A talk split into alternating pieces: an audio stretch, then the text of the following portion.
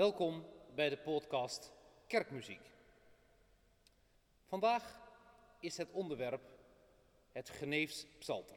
En wel in het bijzonder de Nederlandse traditie van het maken, het improviseren van variaties over deze 16e eeuwse melodieën.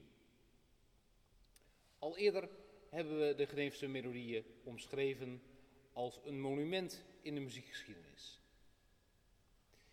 Deze melodieën uit Genève, die voor een groot deel geschreven zijn door de componist Louis Bourgeois, maken gebruik van twee notenwaarden. Een lange en een korte. Meestal worden de regels gescheiden door een rust ter waarde van de lange noot. Zojuist speelde ik Psalm 26. Ik deed dat eenstemmig. De ene regel in de ligging van de vrouwenstemmen en de volgende regel in de ligging van de mannenstem. Ligging van de vrouwenstem.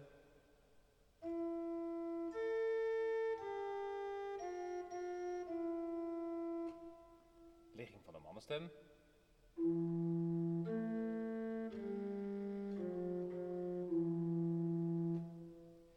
Zo bezien klinkt gemeentezang in de eredienst altijd wat we noemen in octaven. Dus zo.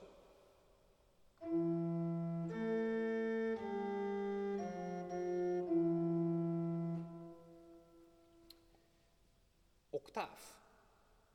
Dezelfde toon, maar dan een octaaf hoger. Zijn bekroning. Daar zit ook een theologische notie achter. De week van zeven dagen. De eerste dag ter week, de zondag. Een week later is het weer zondag. Eerste en achtste dag tegelijk. De octaafdag. Hé, hey, dat kennen we bijvoorbeeld ook eh, als we spreken in het kerkelijk jaar over de octaafdag van kerst. Dan wordt er iets afgesloten en begint er iets nieuws. Gemeentezang van het Geneefs Psalter. Lange noten, korte noten twee in getal en als mannen en vrouwen samen zingen, dus klinkend in octaven. Als we verder kijken naar de structuur van de melodie, valt allereerst op dat het aantal sprongen niet bijzonder groot is. Kijken we naar de eerste regel van Psalm 26. Deze begint met een grote sprong omhoog, wat we noemen in de muziektheorie een reine kwart. Uh, die zou je kunnen beschouwen als een signaaltoon. Denk aan het signaal op 4 mei op de Dam. Vervolgens wordt deze sprong, deze reine kwart, opgevuld in neerwaartse richting. Klinkt zo.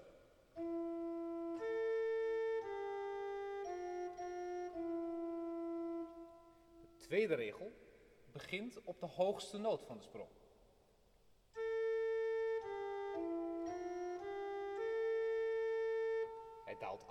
Maar wordt ook weer in tegenovergestelde richting opgevuld. Regel 3 begint nog hoger. Uitweiding.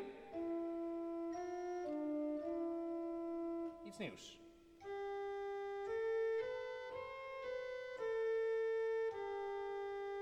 Deze vierde regel verloopt helemaal stapsgewijs. Daarom zingt het ook zo mooi. En doet het ook enigszins denken aan het Gregoriaans moet bedenken dat de componisten die zich bezig hielden met het maken van deze melodie, melodieën, gepokt en gemazeld waren in het Gregoriaans. De eenstemmige zang op Latijnse teksten, vaak ook zeer vloeiend en stapsgewijs. Dan de voorlaatste regel, die breidt behoorlijk uit.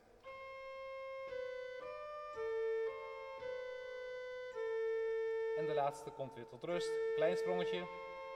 En weer een afdaling.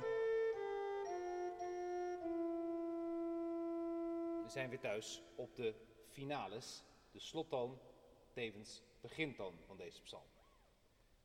Ik zei net twee notenwaarden, een lange en een korte, waarbij ik wel zo eerlijk moet zijn dat de laatste noot dan ook dubbel zo lang is genoteerd. Dus eigenlijk drie verschillende notenwaarden, waarbij de langste dan helemaal voor het einde is gereserveerd. Wat ik zojuist benoemde, het opvullen van die sprongen en het verkennen van die verschillende toongebieden, heeft vermoedelijk ook te maken met de theorie van de hexagorden. Het voert te ver om daar nu diep op in te gaan, maar eh, als we bedenken dat het zangonderwijs begonnen is met het do-re-mi-systeem en met het benoemen van drie verschillende toonsreeksen, drie verschillende hexagorden, ook dat alles weer gekoppeld aan een hymne over Johannes de Doper, kan het mooier, dan zien we dat duidelijk terug in deze psalm. Een van de verklaringen waarom deze ook op een natuurlijke, makkelijke manier zingt. Makkelijk is misschien niet helemaal het goede woord, maar inderdaad gewoon natuurlijk, als vanzelf sprekend, maar toch van grote schoonheid. Dat ter inleiding. Het variëren over deze melodieën. In de begintijd van de Reformatie had het orgel nog niet de rol van begeleiding van de gemeentezang. De gemeentezang gebeurde a cappella, zonder begeleiding en eenstemmig. Kwam het orgel al tot klinken, dan was dat voor en na de dienst, maar met name nog door de week. De organist was in dienst van de stad, stadsorganist. Een taak die ook nu in onze dagen weer een herleving kent. Iemand als Jan Pieterszoon Zwelink, een belangrijke organist en componist die werkzaam was in de Oude Kerk in Amsterdam in de 16e eeuw, heeft dan ook heel wat psalmvariaties op zijn naam staan. Ik speelde zojuist eenstemmig, zoals ik heb uitgelegd. Eigenlijk is dat misschien wel het moeilijkste wat er is. Een melodie zoals deze, heel mooi verzorgd en helemaal in proportie spelen of zingen. Dit is pure schoonheid. Wat nu als we één stem toevoegen aan deze melodie? Krijgen we een tweestemmige variatie gespeeld op een fluitregister van het orgel.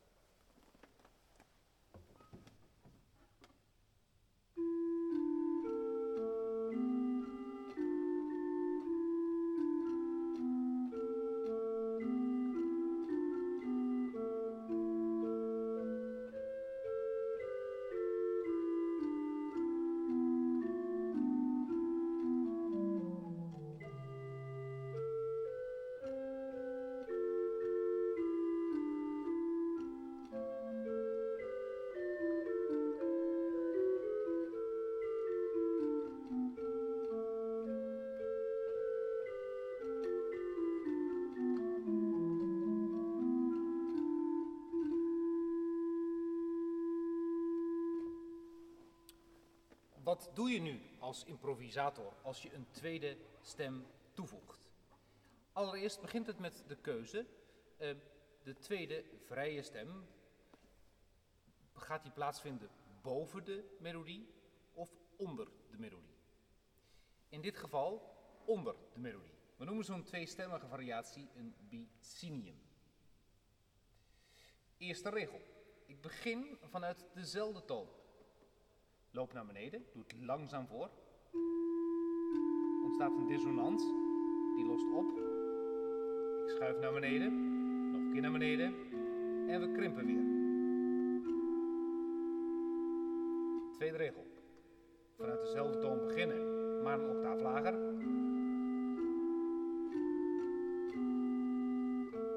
En weer tegen elkaar in. We onderscheiden in de muziek gelijke beweging, parallelle beweging of tegenbeweging. Die tegenbeweging is iets wat vaak de voorkeur heeft. Twee melodieën letterlijk tegen elkaar in, onafhankelijk van elkaar, maar wel zo dat de samenklanken die ontstaan een lust zijn, als het goed is, voor het oor. Nu kan ik ervoor kiezen om zo'n bicinium, zo'n tweestemmige variatie, levendiger te maken dan moet ik ritmisch meer afwisseling bieden. Ik registreer dat dan ook helderder. Er komt nu een fluit 4 bij de achtvoetsfluit. De achtvoetsfluit, nu de viervoetsfluit. En ik improviseer een wat levendigere variatie.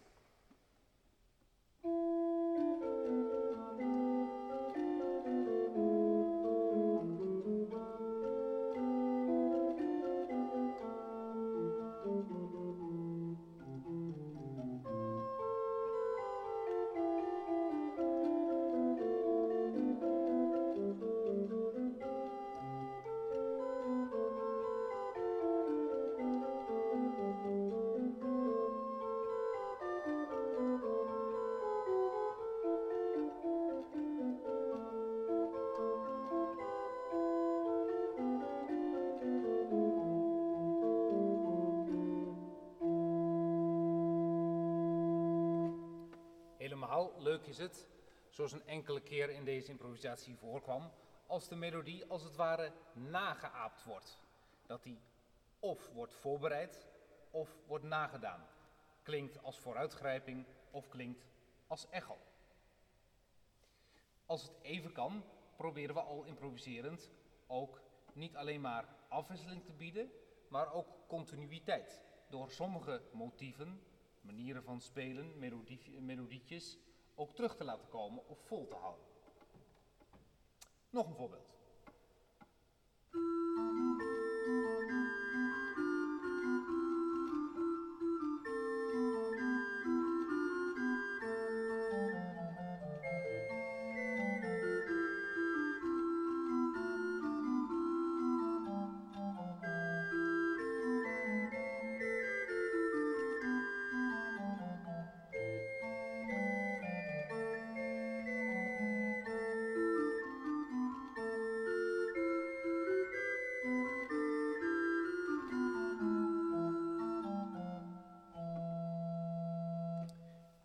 Daarmee kunnen we het karakter van de melodie beïnvloeden, vrolijker maken of juist droeviger.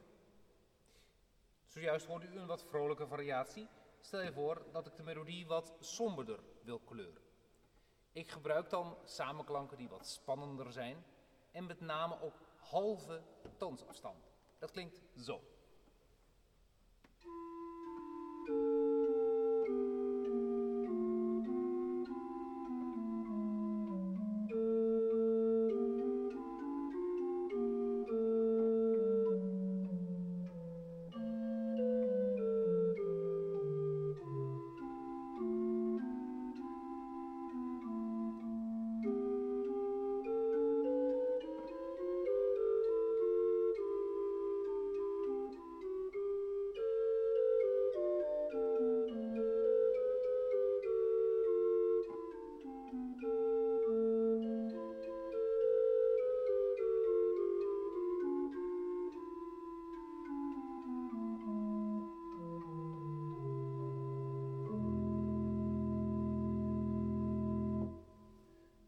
Einde hoorden we ook een derde en een vierde stem zich kort invoegen om de samenklank aan het eind compleet te maken.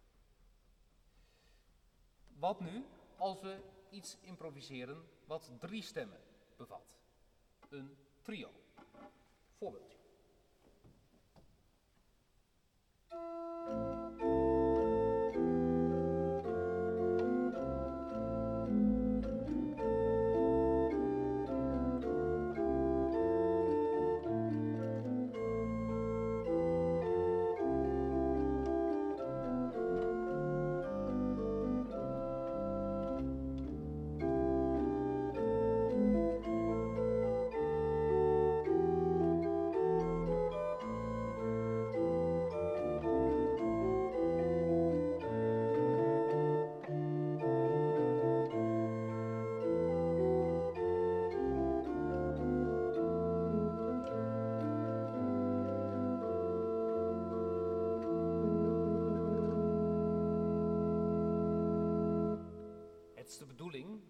elk van de stemmen echt zijn eigen waarde heeft. Om dat nog beter te laten horen, geef ik ook drie verschillende kleuren mee aan de stemmen. De melodie.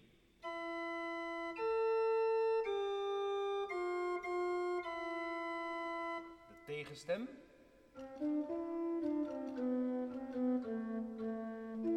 En de derde stem.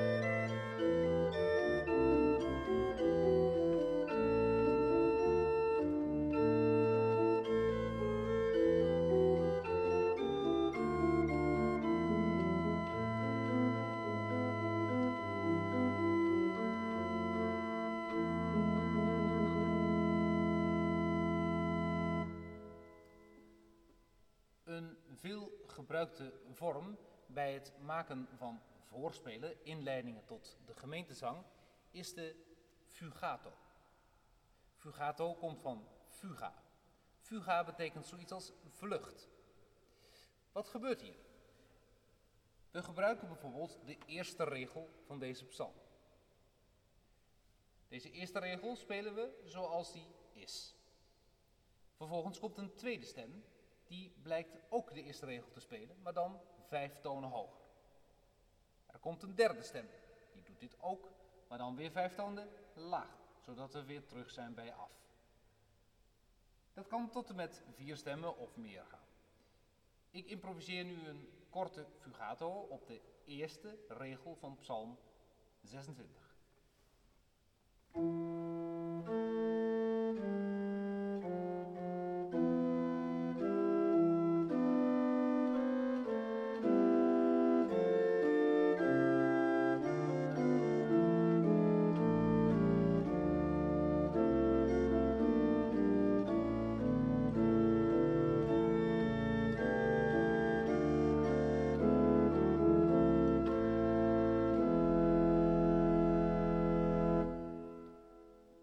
Voor de herkenning van de melodie is dat natuurlijk heel goed. We hebben de eerste regel nu minstens vier keer gehoord.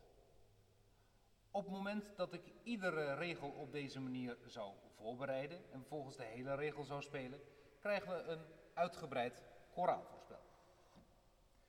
Dat vinden we relatief vaak in de orgelliteratuur.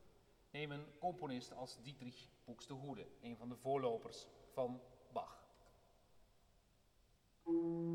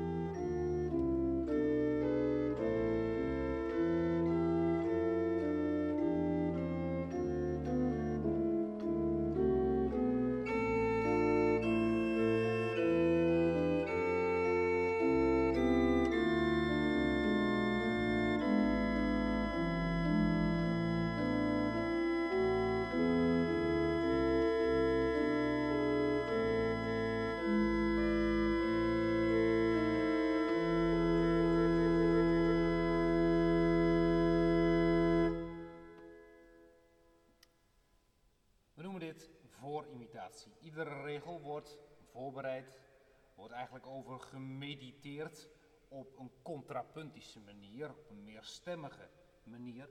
En vervolgens klinkt de hele regel.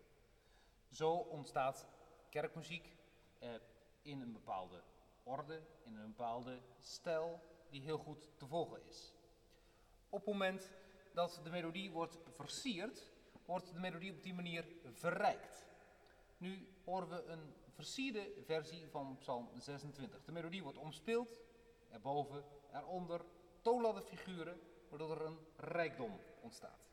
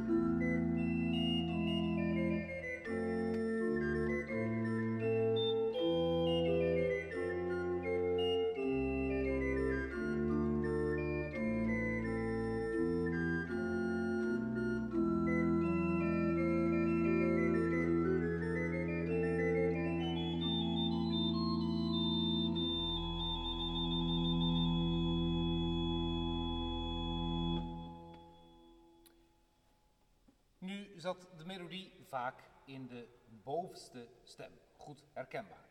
Natuurlijk kan een melodie zich ook in een van de andere stemmen bevinden, zodat er een bovenstem ontstaat. Ook uh, wel gebruikt bij de begeleiding van de gemeentezang. Dat klinkt zo. De melodie ligt nu in de alt, in de tweede stem, en de bovenstem klinkt uiteraard daarboven.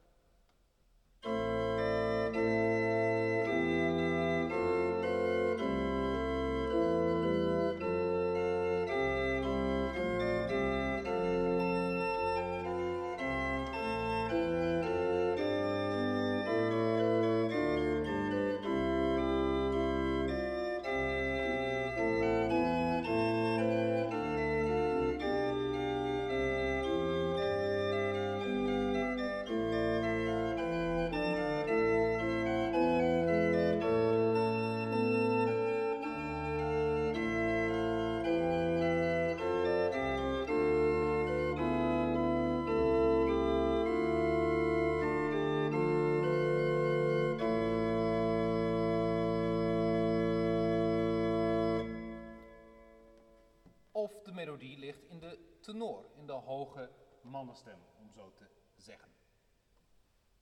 Vroeger was de tenor stemhouder. De melodieën in 16e eeuwse composities ze bevonden zich bij uitstek in de tenor. Dus minder herkenbaar voor ons vandaag aan de dag wellicht.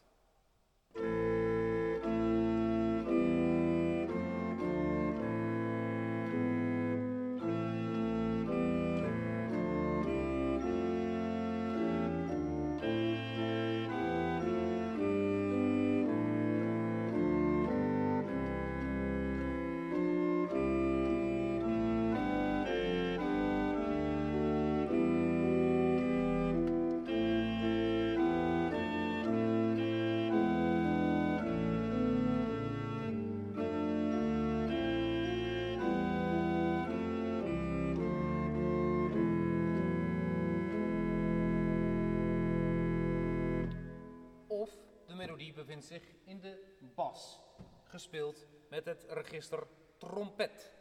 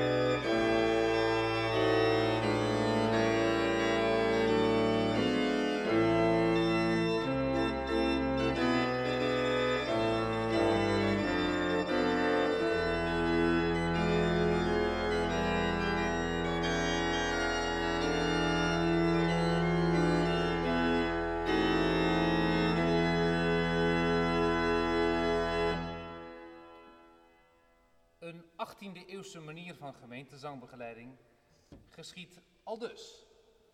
De rechtervoet van de organist speelt de melodie op het voetklavier op het pedaal.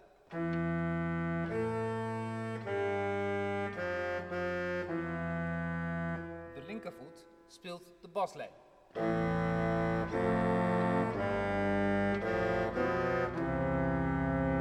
Daarboven klinken grote akkoorden buitengewoon feestelijk en dragend effect. Daarmee besluiten we voor vandaag.